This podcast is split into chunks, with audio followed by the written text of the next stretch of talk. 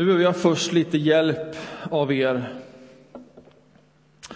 Om man är i London och åker tunnelbana så varje gång dörrarna öppnas och man tar ett steg från vagnen och ut till perrongen så hör man en mening upprepas. Vad är det för mening? Mind the gap. Det, det är ju festligt att, att den sitter. Ja, men där kommer den också. Precis, mind the gap. Det var länge sedan jag var i London, så jag är osäker på om det fortfarande var så. Så jag vill bara höra att vi har samma bild. Mind the gap. Det är en klatschig mening, liksom. klatschiga ord som gör att man, den sätter sig. Eh, man behöver bara vara där en dag och åka tunnelbanan.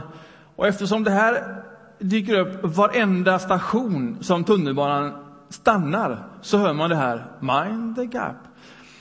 Vilket gör att när man sen stiger av och fortsätter sitt liv så hör man det här, man bär med sig det, mind the gap. Så att alla ni nu kan säga så här bara, mind the gap. Som om man bör veta någonting om vad som händer i Londons tunnelbana. Men det sitter i ryggmärgen hos väldigt många människor. Det är ju intressant i sig. Varför säger man det här då? Det är ju fullständigt självklart. Alltså man går av och så finns det ett mellanrum mellan vagnen och perrongen och får inte kliva i där, ah, mind the gap, så går man över det här gapet. Så va? Men, men det är ju för var och en att bara se. Det är en fullständig självklarhet. Åtminstone så kunde de ha gjort det ja, någon gång nu och då. vet, varje kvart gick det ut i systemet, en sån. Men i varje vagn, i varje stopp, hela tiden. Måste man upprepa det självklara så, eh, eh, så, så mycket? Det är frågan. Eh, och jag tänker mig att ja, men kanske är det så. Med en del självklara saker så måste man upprepa dem varje gång. Det räcker inte bara att höra det en gång och sen har man det i kroppen. Mind the gap, jag vet, jag tar ett steg. Utan varje gång jag tar steget så hör jag samma sak. Mind the gap. Och så går jag över det steget. Det jag ska göra idag, det jag vill säga och predika om idag, det är ett, en sån självklarhet. Det är, det är vårt mind the gap här i Saronkyrkan. Har vi något sånt som man bör säga till sig själv varje steg, varje gång dörrarna öppnas, varje gång man går ut? Mind the gap. Alltså, vad bör man ha i ryggmärgen så man inte trampar fel och hamnar emellan? Mind the gap. Vad är det? Vi inleder en serie av fyra gudstjänster nu, fyra predikningar, eh, där vi ska påminna oss om det vi kallar för en församlingsordning. Alltså, vi har samlat oss här i församlingen.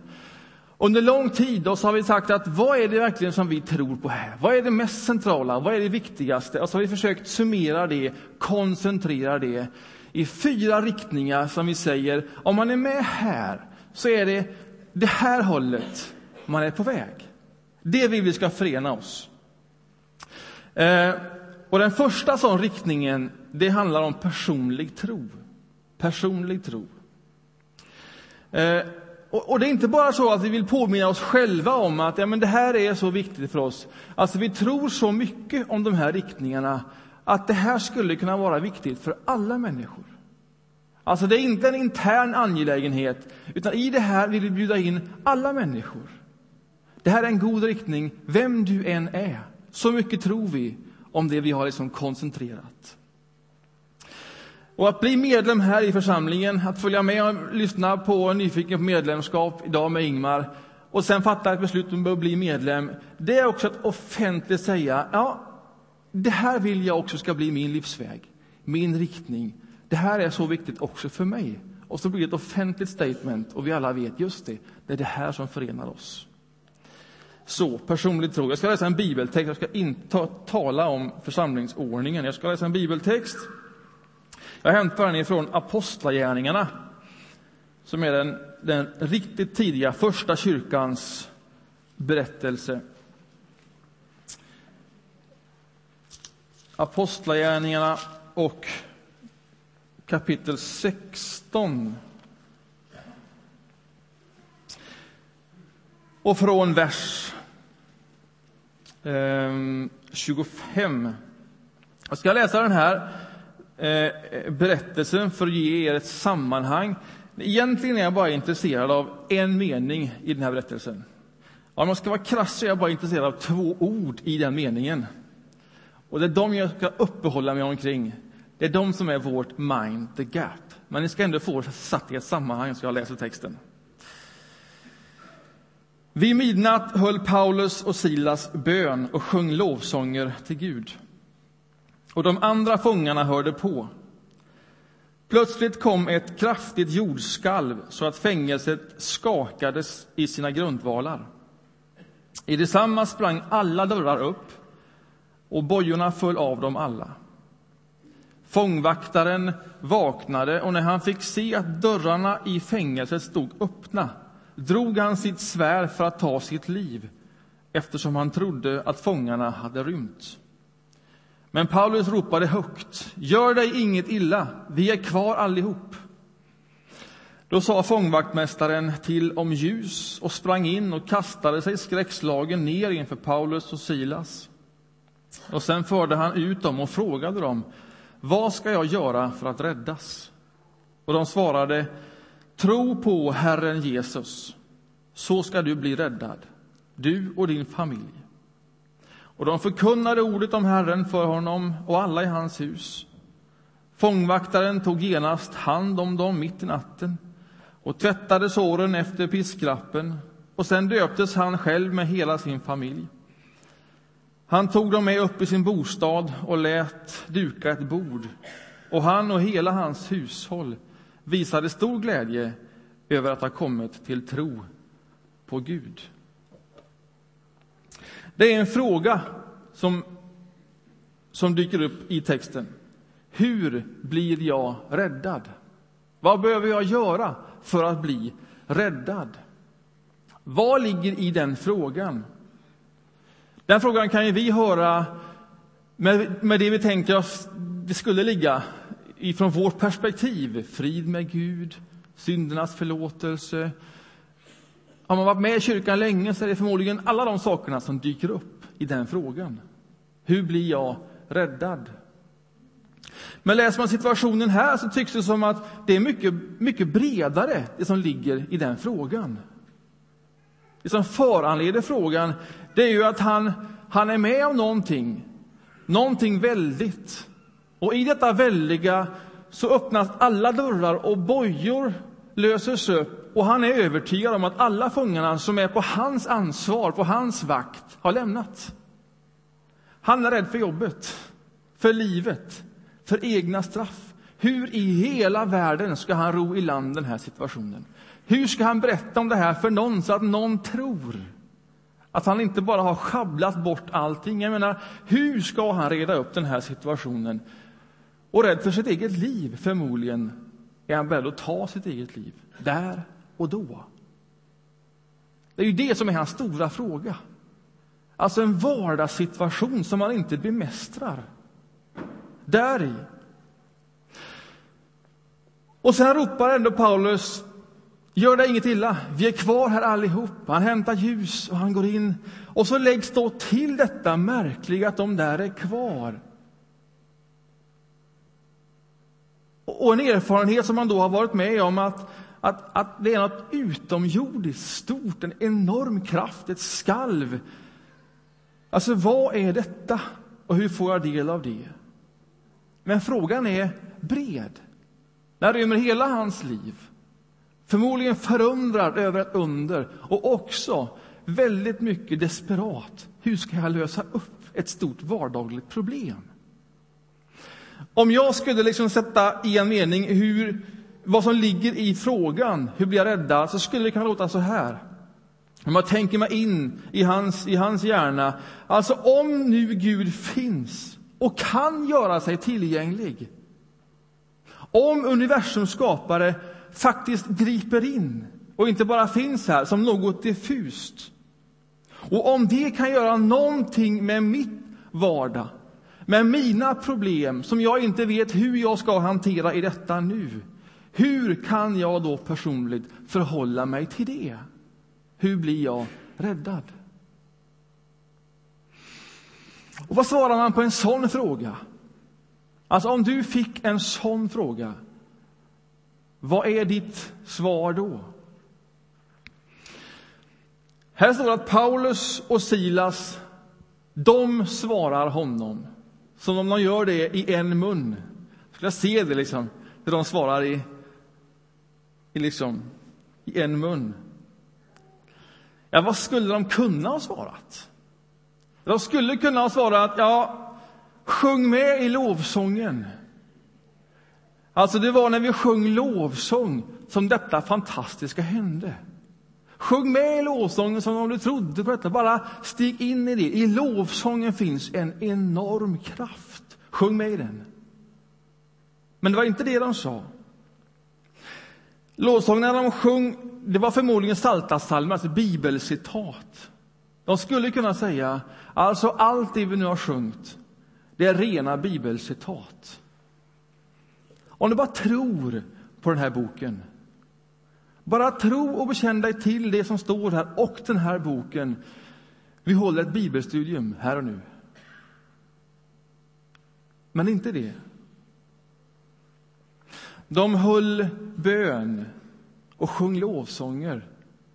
Det var någon sorts gudstjänst som pågick där vid midnatt. De skulle kunna ha sagt, ja alltså, följ med oss och börja fira gudstjänst.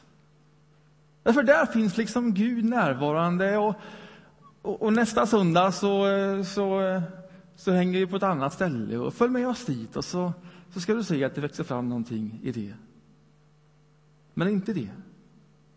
De svarar inte med några metoder. De svarar inte med några praktiker.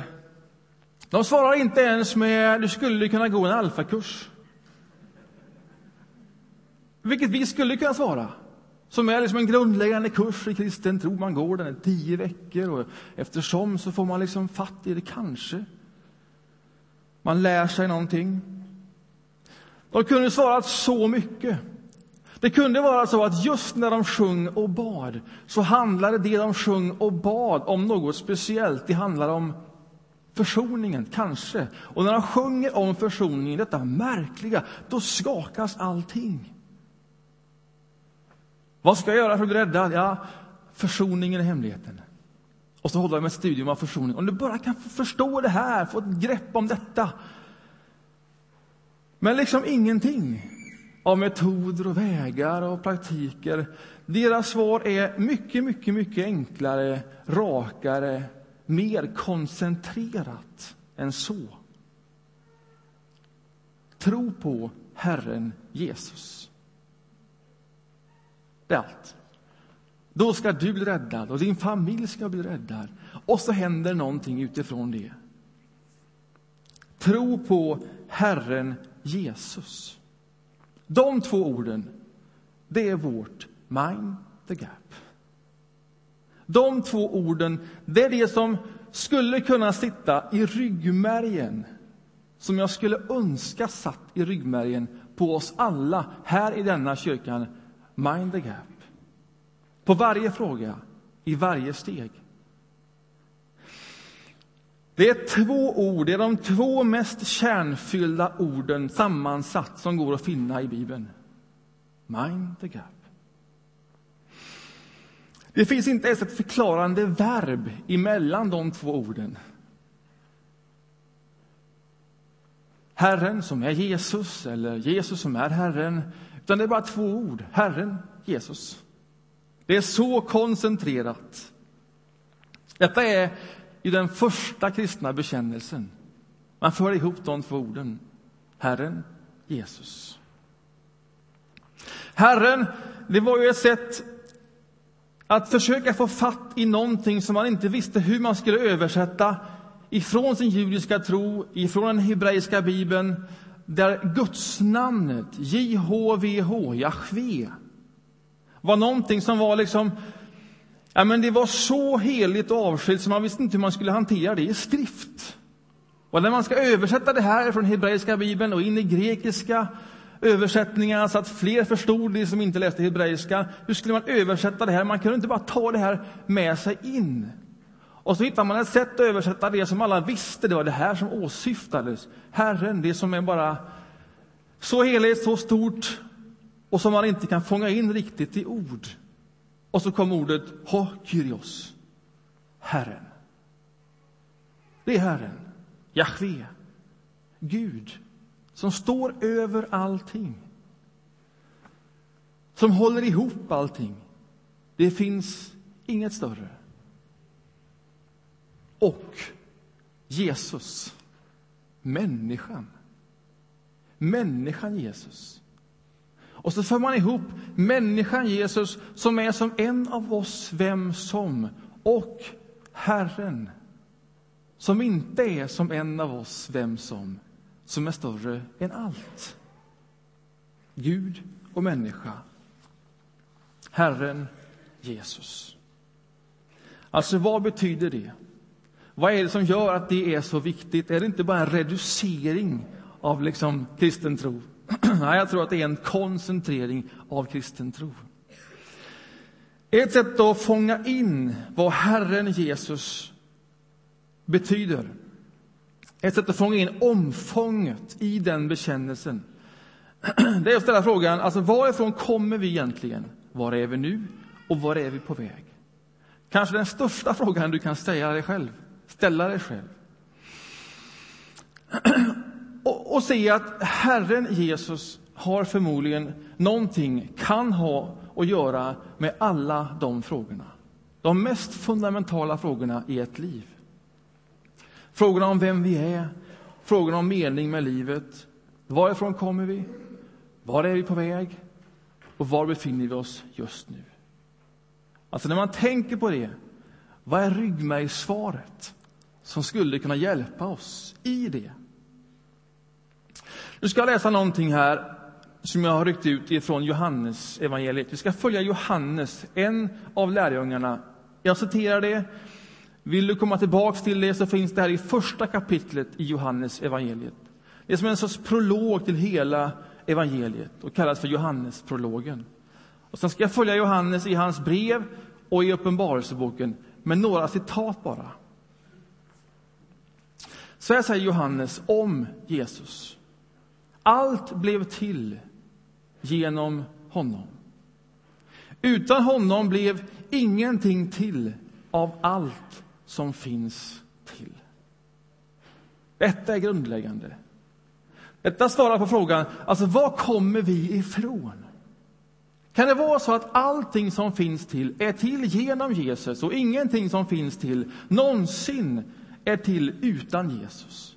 Han har med allting att göra. Så fundamental är Jesus, så ursprunglig, så från början. Så mycket med allting har han att göra. Varifrån kommer vi? Det här är ju naturligtvis en flört med hela skapelseberättelsen som Johannes gör. Där allting skapas genom ett ord. Gud säger, och det ordet, det är Jesus. Och sen när allting skapas så sägs det till sist när människan skapas att människan skapas till Guds avbild, till att vara lik Gud. Alltså, vad betyder det? För ingen har ju sett Gud. Ingen kan se Gud. Så skriver Johannes i sin prolog.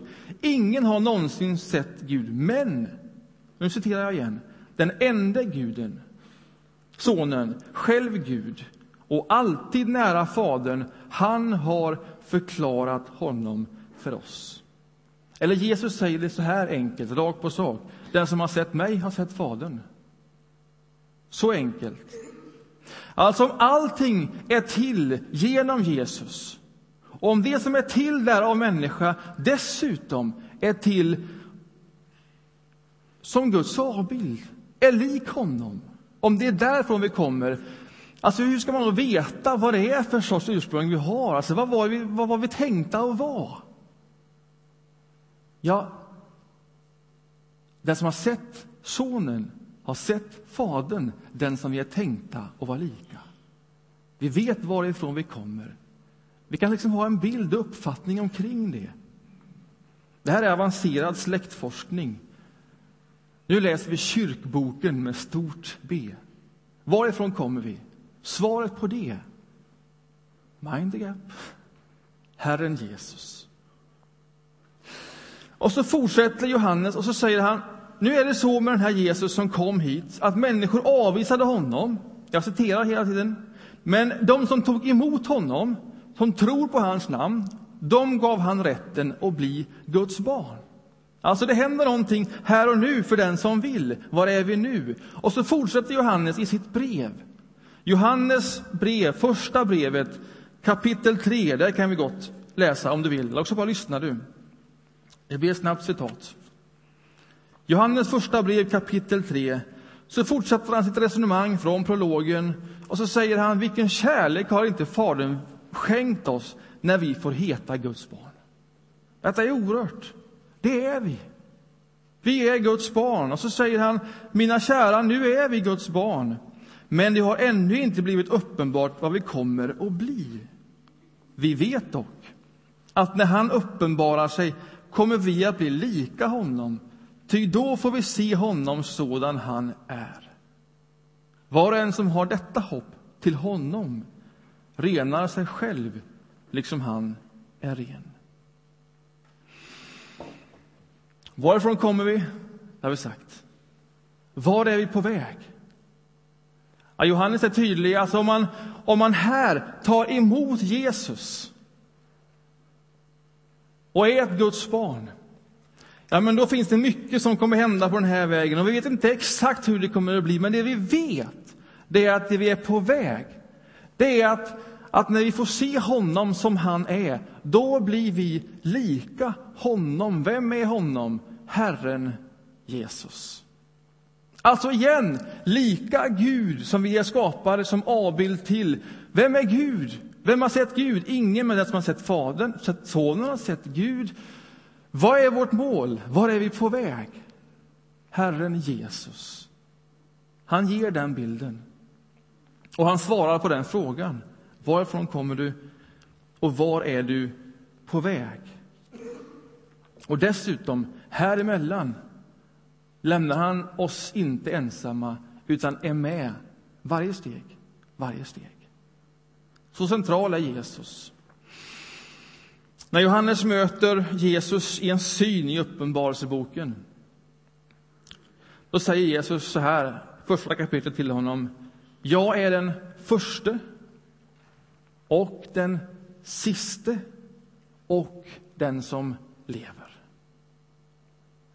Det är stora ord. Om vem kan man säga så? Bara om en. Herren Jesus. Han är den varifrån vi kommer. Det är vårt ursprung. Han är den till vilken vi ska återvända, till vilkens likhet vi ska förvandlas. Och han är den som här och nu lever och inte lämnar någon ensam i denna resa. Herren Jesus. Petrus beskriver Jesus i sitt första tal när han predikar i Jerusalem på pingstdagen. Jesus är vägvisaren till livet. Det är ett underbart uttryck. Vägvisaren till livet. Att förhålla sig personligt i tro till Herren Jesus. Vad betyder det? Vad är det vi säger i vår ordning? Jo, det vi säger är att vi förhåller oss personligt i meningen ja, men det är ett eget val. Det är en egen vilja som är uttryckt i det. Men också att det just är en person som vi ger vår tillit till. Det är det första och det sista och det viktigaste däremellan som man kan säga om hur man blir räddad och förblir i sin räddning. Alltså allt annat kan vara viktiga aspekter att tillföra, viktiga metoder för att hålla detta levande. Så att man, så att man hör det i sin ryggmärg. Herren Jesus, Herren Jesus. Men allt det omkring är likväl bara aspekter eller stöd eller metoder. Det som räddar en människa är Herren Jesus. En person. En person. Detta är så grundläggande. Behöver man verkligen säga detta? Det här vet vi ju. Ja, jag tror man behöver säga det, därför att längs vägen, varifrån vi kommer och var vi är på väg, så kan man beskriva den vägen på många olika sätt. Genom aspekter som är viktiga. Man kan säga någonting om lovsången, om bönen, om gudstjänsten, om kurser och allting som är bara så viktiga. Risken finns i det att någon sån aspekt blir så viktig för mig att det är genom den aspekten som jag ser allting annat härifrån. Att det blir den aspekten som blir mitt mind the gap. Mind the gap. Att det sist blir det som sitter i ryggraden, i ryggmärgen. Och då skulle jag bara vilja säga, det finns ingen aspekt, hur viktig den än är. Det finns ingen metod, det finns ingen praktik, det finns ingenting som kan eller bör färga hela livet, eller väldigt mycket av det, på det sätt som Herren Jesus gör och kan. Det finns bara en. Herren Jesus. Och Herren Jesus, ja men han kan få färga allt. Varför då? Jo, därför att det är därifrån vi kommer. När du ser honom så ser du hur det var tänkt att ditt liv skulle vara, se ut, när det var som allra vackrast. Och när du ser honom så vet du att det är inte bara historia, det är också en framtid. Det är också så det ska bli. Han som en gång har skapat ska återskapa. Och däremellan, där finns han som den stora vägvisaren till livet. Ett fantastiskt uttryck. Vägvisaren till livet. Det finns en sån vägvisare. Och det är Herren Jesus. Herren Jesus. Vad är viktigt för dig? Herren Jesus. Varifrån kommer du? Herren Jesus. Var är du på väg? Herren Jesus. Och vem finns hos dig nu och gör det här möjligt? Herren Jesus. Alltså, man kan inte upprepa det tillräckligt många gånger. När du lägger dig och sova hemma ikväll, då skulle jag önska att du hör det här på samma sätt som du hör Mind the Gap. Herren Jesus. Det är det mest koncentrerade uttrycket, det viktigaste i kristen tro. Kristen tro blir aldrig mer avancerad än så. Aldrig mer avancerad än så. Och samtidigt är det ett bottenlöst mysterium.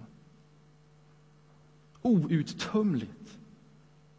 Du har att göra ett helt liv med att utforska Herren Jesus. Att förhålla dig till honom, att lägga hela din tillit till Herren Jesus. Det räcker och blir över. Och samtidigt, det blir aldrig mer avancerat än så. Ibland är vi så förtjusta i våra aspekter, i det som är viktigt i vår kristna liv, att vi säger till varandra och till oss själva, om du bara förstod det. Om du bara fick ljus över det, om vi bara betonade det mer. Det finns alltid en sån aspekt som tenderar att färga väldigt mycket. Men det finns bara en sån aspekt som ska färga, inte mycket, utan allt. Och det är Herren Jesus. Herren Jesus. Så om du har någon sån aspekt som är bara så viktig för dig, då skulle jag vilja uppmuntra dig. Den är säkert det, men ta den, backa några steg och fundera omkring den. Om det är ditt mind the gap, kanske skulle du då återvinna det som ska vara ditt mind the gap, Herren Jesus.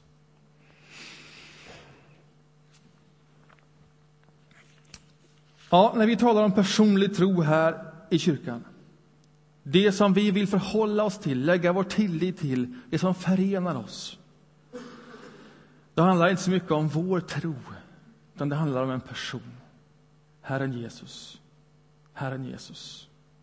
Det finns inget som är viktigare än det i den här församlingens gemenskap. Vi bekänner det på olika sätt varenda vecka vi möts. När vi firar nattvard till exempel, så är det en bekännelsehandling och en förkunnelse om Herren Jesus. Han som kom hit som människa, han som dog, som uppstod och som ska komma igen. Här har du hela historien laddad i en måltid. Och sen bjuds det kropp och blod, vin och bröd. Och att ta emot det, det är att säga ja, Herren Jesus, för mig personligt. Att böja knän här och låta någon be för dig, det är samma sorts bekännelsehandling. Du böjer knän, någon ber och bara handlingen visar att du tänker att Herren Jesus kan göra skillnad och du vill att han ska göra skillnad på det som är din vardag, det som är kanske olösligt för dig. Herren Jesus. Det finns gott om sådana bekännelsehandlingar i den här gudstjänsten. Personlig tro hos oss, det handlar om Herren Jesus. Amen. Vi förenar oss i en bön.